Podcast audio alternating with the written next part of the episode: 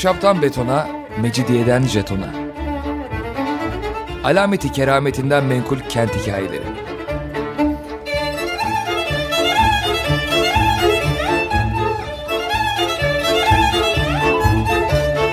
Hazırlayan ve sunan Pınar Erkan.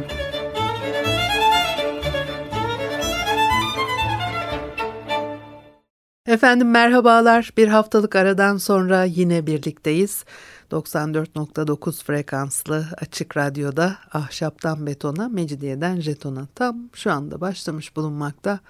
Anlatıcınız ben Pınar Erkan. Elektronik posta adresim pinarerkan.yahoo.co.uk Bugün programımızda neler var?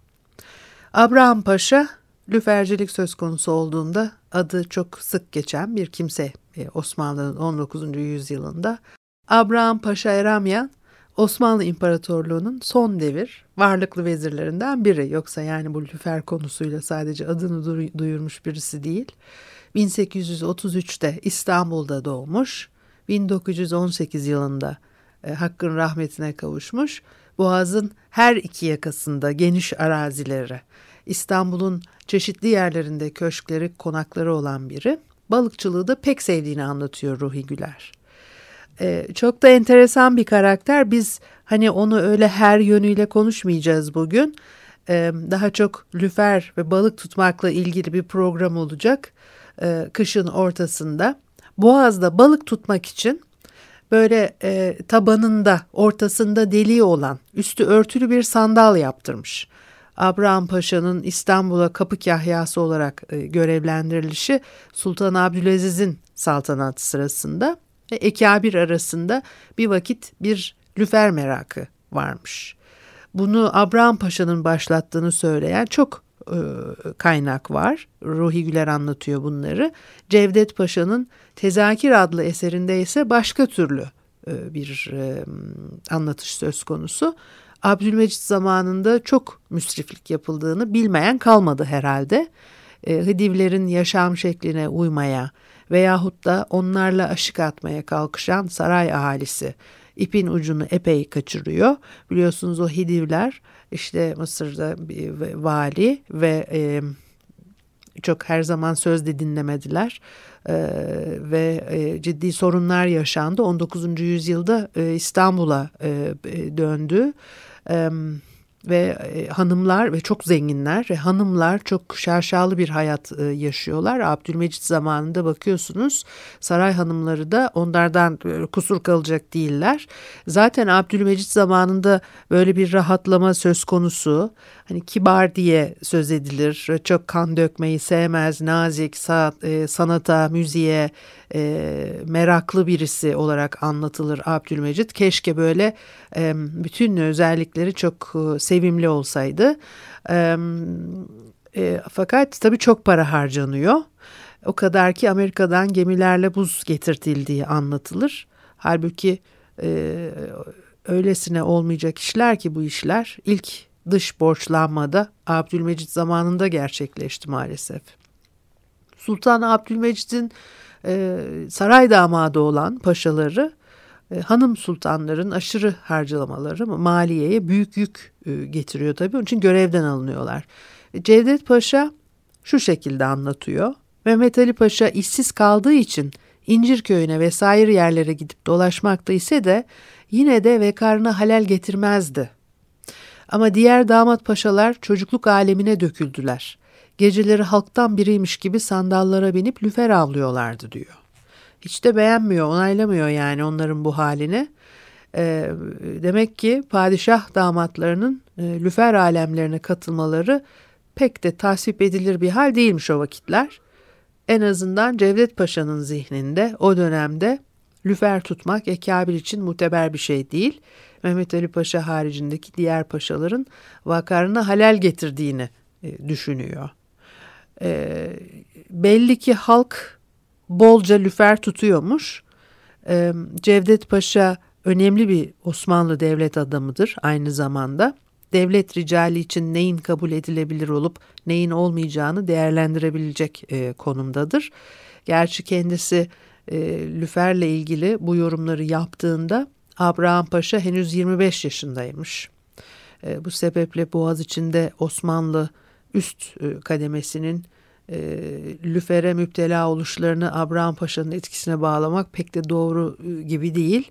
Belki de kendisi de e, Boğaz içinde var olan e, ki artık padişah kızlarının eşlerine kadar sirayet etmiş padişahın Kanlıca Körfezi'ne kadar lüfer alemlerini görmeye gittiği bir eğlenceye e, katılmış olabilir.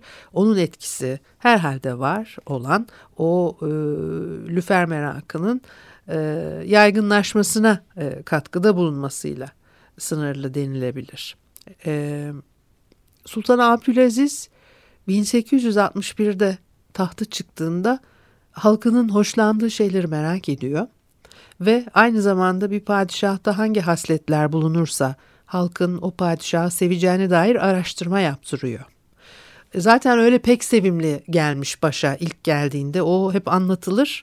Sonradan işler e, bozuluyor. Kendisine lüfer alemlerinden e, söz etmişler. Nevres Paşa uzun uzun anlatmış e, Sultan Abdülaziz'e Kanlıca Körfezi'nde mehtaplı gecelerde gerçekleştirilen o e, lüfer e, avını ve Abdülaziz'in pek hoşuna gitmiş duydukları. Yanına Nevres Paşa ile Mabeyince Emin Bey'i de alarak üç çifte bir sandala binmiş ve Kanlıca'ya gitmiş. Mehtaplı bir gecede loş bir yer bulmuşlar kendilerine. Zaten tabii bu boğaz sefalarının hep mehtaplı gecelerde yapılanı kıymetli, revaçta ve onlar anlatılır. Ee, Körfez e, lüfercilerle e, dolu. Bu arada m, zayıf bünyeli, yaşlıca bir efendi bir çifte sandalında kendi aleminde avlanırken üç çifte sandalın küreklerinden biri oltanın ipini kopartıyor. Ee, tabii çok canı sıkılıyor adamcağızın bu duruma. Oltayı düzeltip işine devam ediyor. Padişahın sandalındaki Nevres Paşa bunu halbuki kasten yapmış. Takılmak için e, bu yaşlı efendiye. Paşa yetmemiş gibi e, kolunu dürtükleyip nasıl başvuruyor mu diye sormuş. Bu soru e, o zamanlar özellikle balık tutamayanlara sorulan sinir bozucu sorulardanmış meğersem. Yaşlı adam paşanın yüzüne öfkeyle bakmış fakat hiç cevap vermemeyi tercih etmiş. Kendi kendine homurdak, homurdanmaktan da geri durmamış. Ahmet Rasim e, uzun süre avlandığı halde lüfer tutamayanlara diğerlerinin e, bu şekilde takıldığını anlatıyor. Ahmet Rasim de çok keyifli anlatır e, e, o dönemin e, hikayelerini. E, lüferde yalnız balık tutulmaz. Balıkçı da olta da tutulur. O arada hiddet içinde kalmış olan ve karşısındakinin usul usul çekerek balığı avladığına vakıf bulunan balıkçıya istihza ile söylenilen dokunuyor mu sözü kadar dokunan bir şey olamaz zannederim e, diyor. Şimdi Nevres Paşa da padişahı eğlendirme derdinde olduğu için e, olayı daha ileri götürmeye kararlı. Sorusunu adamcağızı çileden çıkarıncaya kadar tekrarlamaya devam etmiş. Sana söylüyorum ihtiyar nasıl başvuruyor mu demiş yeniden. Tabi bu şekilde artık e, nezaket sınırlarını çoktan aşmış. Üç defa tekrarlamış. Yetmezmiş gibi bir de adamcağızın kolunu hızlı hızlı dürtmüş. Bu sefer yaşlı ihtiyar bey açmış ağzını yummuş gözünü. Demiş be adam gözün kör değil ya görüyorsun başvuruyor mu diye ne sorup duruyorsun beni yağ tulumu gibi bir de sarsıyorsun demiş. Bu esnada tabii kendi kayıkçısı olayın vehametini e, anlamış olacak ki kaş göz hareketleriyle vaziyeti anlat, anlatmaya çalışıyor. Hani orada padişah var falan diye. Fakat ya padişah değil de neyse sarayın e, e, kayığındalar. Fakat adamcağız o haleti ruhiye içinde durumun farkına varamıyor. Ağzını burnunu ne büküp duruyorsun kim olursa olsun falan diye böyle devam ederken kayıkçı yerinden kalkarak kulağına bir şeyler fısıldamış en sonunda. Sonra o zaman dikkatlice sandala doğru bakınca onun saraya ait olduğunu farkına varmış ve aa diye birden e, bir hani böyle bir e, ünlemle olduğu yere yığılıp kalmış. Bu olayın arkasından padişah kayıkçılarına oradan uzaklaşılması emrini vermiş derhal. Aynı zamanda yok yani adamcağız orada öyle bayılmış halde bırakıp falan gitmemişler. İhtiyarın kayıkçısına da peşleri sıra gelmesini söylemiş. Saraya kadar e, birlikte gitmişler ama zavallı adamcağız kim bilir ne kadar heyecanlandı, ne olacak başıma ne iş gelecek filan diye böyle son derece tedirgin. Padişahın kayığını takiben sarayın rıhtımında karaya çıkıyor. Orada onu güzelce ağırlıyorlar. Kahveler, çubuklar ikram ediyorlar. E, türlü çeşit hediyelerle taltif ediyorlar. Ve üç çifte bir kayıkla sahil hanesine geri götürülüyor. Balıkhane Nazırı Ali Rıza Bey e, bu hikayeyi anlatıyor. Şöyle de bitiriyor. Bu zatın Vaniköy'ünde sahil hanesi olan Rical'den Recai Efendi merhum olduğunu, vakayı hikaye eden falan Fişman Emin Bey'den işittim e, diye. Çünkü hani farklı versiyonları da var. Aynı hikayeyi farklı şekillerde de e, anlatıyorlar. Bir müzik arası verelim ondan sonra devam edelim.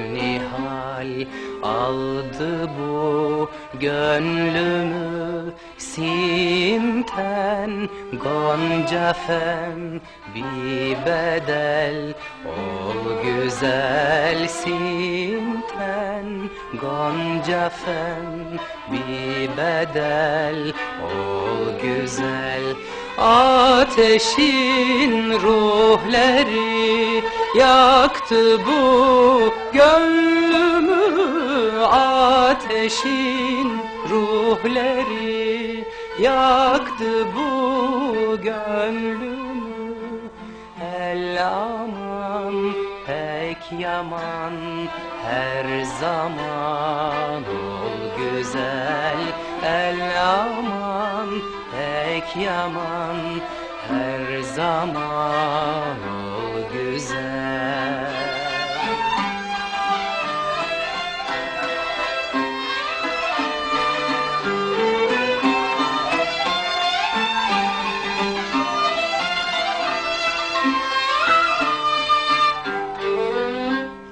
Görmedim kimsede böyle bir dilruba Görmedim kimsede böyle bir dilruba Böyle kaş, böyle göz, böyle el, böyle yüz Böyle kaş, böyle göz, Böyle el, böyle yüz. Aşıkın bağrını üzmeye göz süzer Aşıkın bağrını üzmeye göz süzer El aman pek yaman her zaman güzel el aman pek yaman her zaman ol güzel. Efendim Açık Radyo'da Ahşaptan Betona, Mecidiyeden Jeton'a devam ediyor. Haliyle Pınar Erkan'ı dinlemektesiniz. E, Boğaz'da e, lüfer avcılığı ve e, tabii e, sultanların e, ne kadar bu e, işle hobi olarak uğraştıkları veya hani balık avına çıkmışlar mı çıkmamışlar mı e, nasıl balık avlanıyormuş Boğaz'da biraz onları e, e, konuşuyorduk. Şimdi e, tabii e, Sultan Abdülaziz değişik zamanlarda lüfer avına e, bizzat e, katılmış güya böyle iddialar var. Ama bu, bunlar gerçek mi değil mi bilmek e, çok mümkün değildir diyor Ruhi Güler. E, çünkü hani belge yok net bir şekilde bunu söyleyen. E, balık avına merak sardırmış Osmanlı ricalinden, paşalardan ve mirasiyedilerden başka padişahlar arasında da lüfer tutmaya merak sardıranlar vardı. Kıyafetlerini değiştirerek ava çıkarlar meraklılarla ve balıkçılarla lüfer tutmaya savaşırlardı diyen kaynaklar var. E, herhangi bir padişahın bizzat lüfer avladığına dair tek bulgu Sultan Abdülhamit ile ilgili. E, lüferden yapılan özel bir salataya da çok düşkünmüş. Kofana'nın sadece yanaklarından haşlanarak yapılan salatası Abdülhamit'in sofrasından eksik olmazmış mesela. E, Eğinli Said Paşa'nın rapor ettiğine göre bugün selamlık resmi alisi Mecidiye Camii Şerifinde icra olundu. Bade Salat Efendimiz Teşrifiye vapuru Hümayun'uyla Boğaz içinde büyük limana kadar teşrif edip oradan Beykoz'a vardılar. Akşamüstü köyden celp olunan bir balıkçı iyanesiyle olta vesaire tedarik olunarak lüfer balığı sayd edildi. Yani avlandı diyor. Saat 12'ye kadar 16 kadar lüfer tutulup bunların iki tanesini Zat-ı Şahane Efendimiz tuttu. E, 4 Şevval 1294 yani 12 Ekim e, 1877 Cuma günü olmuş bu olay. 1858'de Cevdet Paşa'nın o damat paşalar için söylediği çocukluk alemine döküldüler sözünden 29 yıl sonra bizzat padişahın balık avladığı bir döneme gelinmesi de tabii enteresan. Ee, Osmanlı sadrazamlarından e, Said Halim Paşa da e, böyle e, bilinen lüfer avcıları arasında yer alıyormuş. E, Mısır Hidif sülalesinden geliyor paşa. E, İsviçre'de okumuş. E, Fransızca olarak kaleme aldığı eserleri var. Birinci Dünya Savaşı yıllarında 1913-1917 arası sadrazam olarak vazife yapmış. Doğrudan doğruya Lüfer'den söz etmemekle beraber Balıkhane Nazırı Ali Rıza Bey, Ekabir'in balığa düşkünlüğü hakkında e, tabii sözler e, söylüyor. Vaktiyle rical ve kibarın çoğu ve hele Hristiyan aniyasından Düzoğulları, Mısırlıoğulları, Köçeoğulları bunlar hep Kadıköy'de böyle bahçeleri falan zamanında bütün o yer değirmeni tarafında Mısırlıoğlu bahçesi, Köçeoğlu bahçesi, e, köşkler bahçelerin içerisinde. Şimdi birdenbire bunu görünce aklıma geldi. Tıngırlar, araryanlar gibi kadim aileler azasının kısmı azamı balık meraklısıydılar diyor. Kıymetini bilirler, takdir ederlerdi. Yakın vakte kadar berhayat bulunan Abraham Paşa bu eslafın bakiyesiydi diyor. Abdülhamit devrinde Boğaziçi yalıları sahiplerinin ekserisi e, balık meraklısıymış. Fakat Boğaz yarım asır evvel bu bakımdan belki de en haşmetli e, devrini yaşamıştır.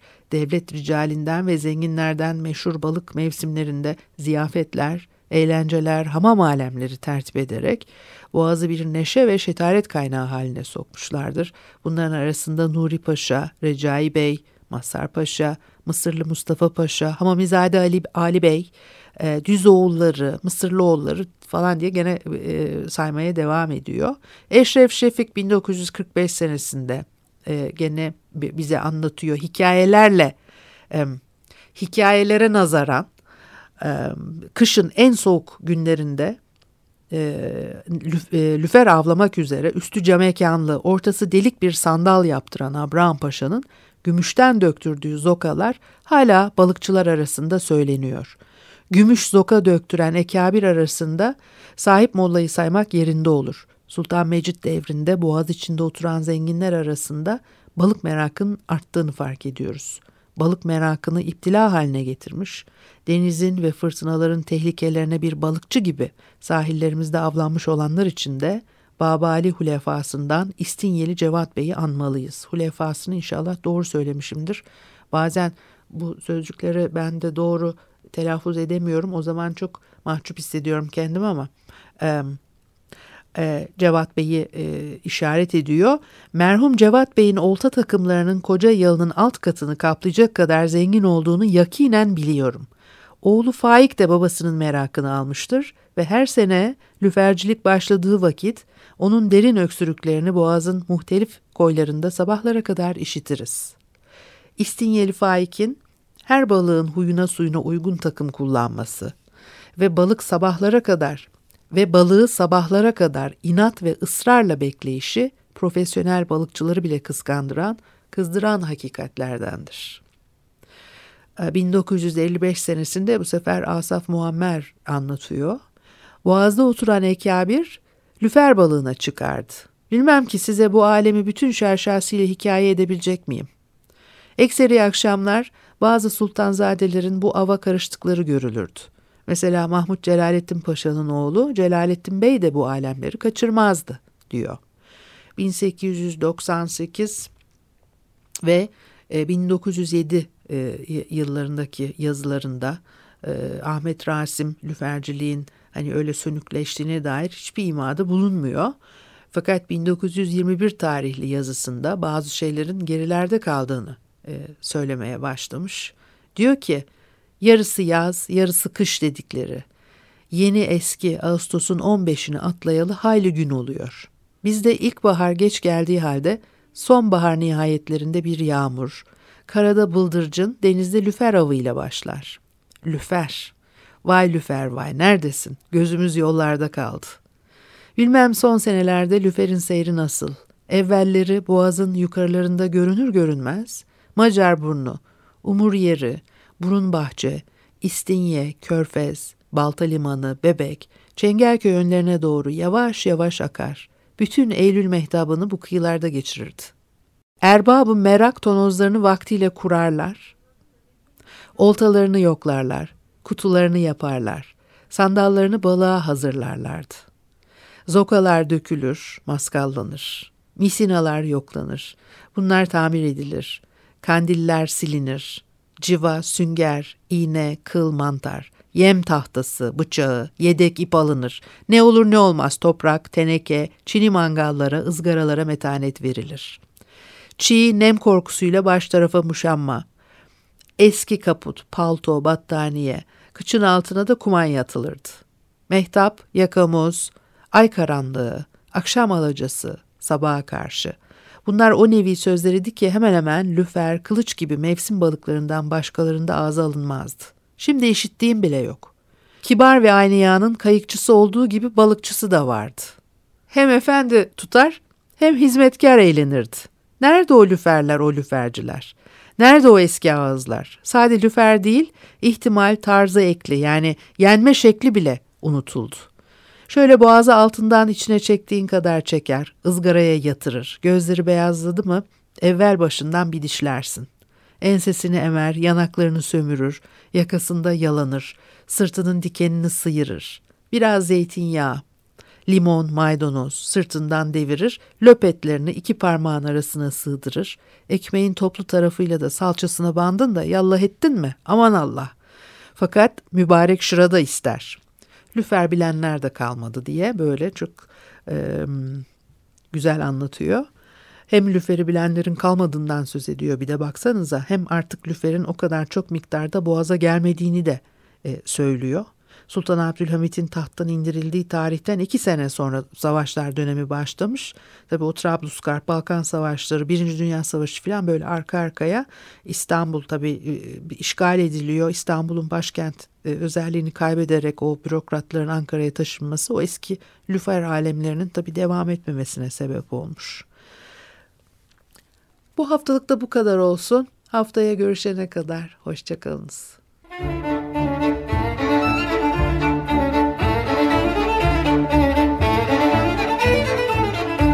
Ahşaptan betona, mecidiyeden jetona. Alameti kerametinden menkul kent hikayeleri.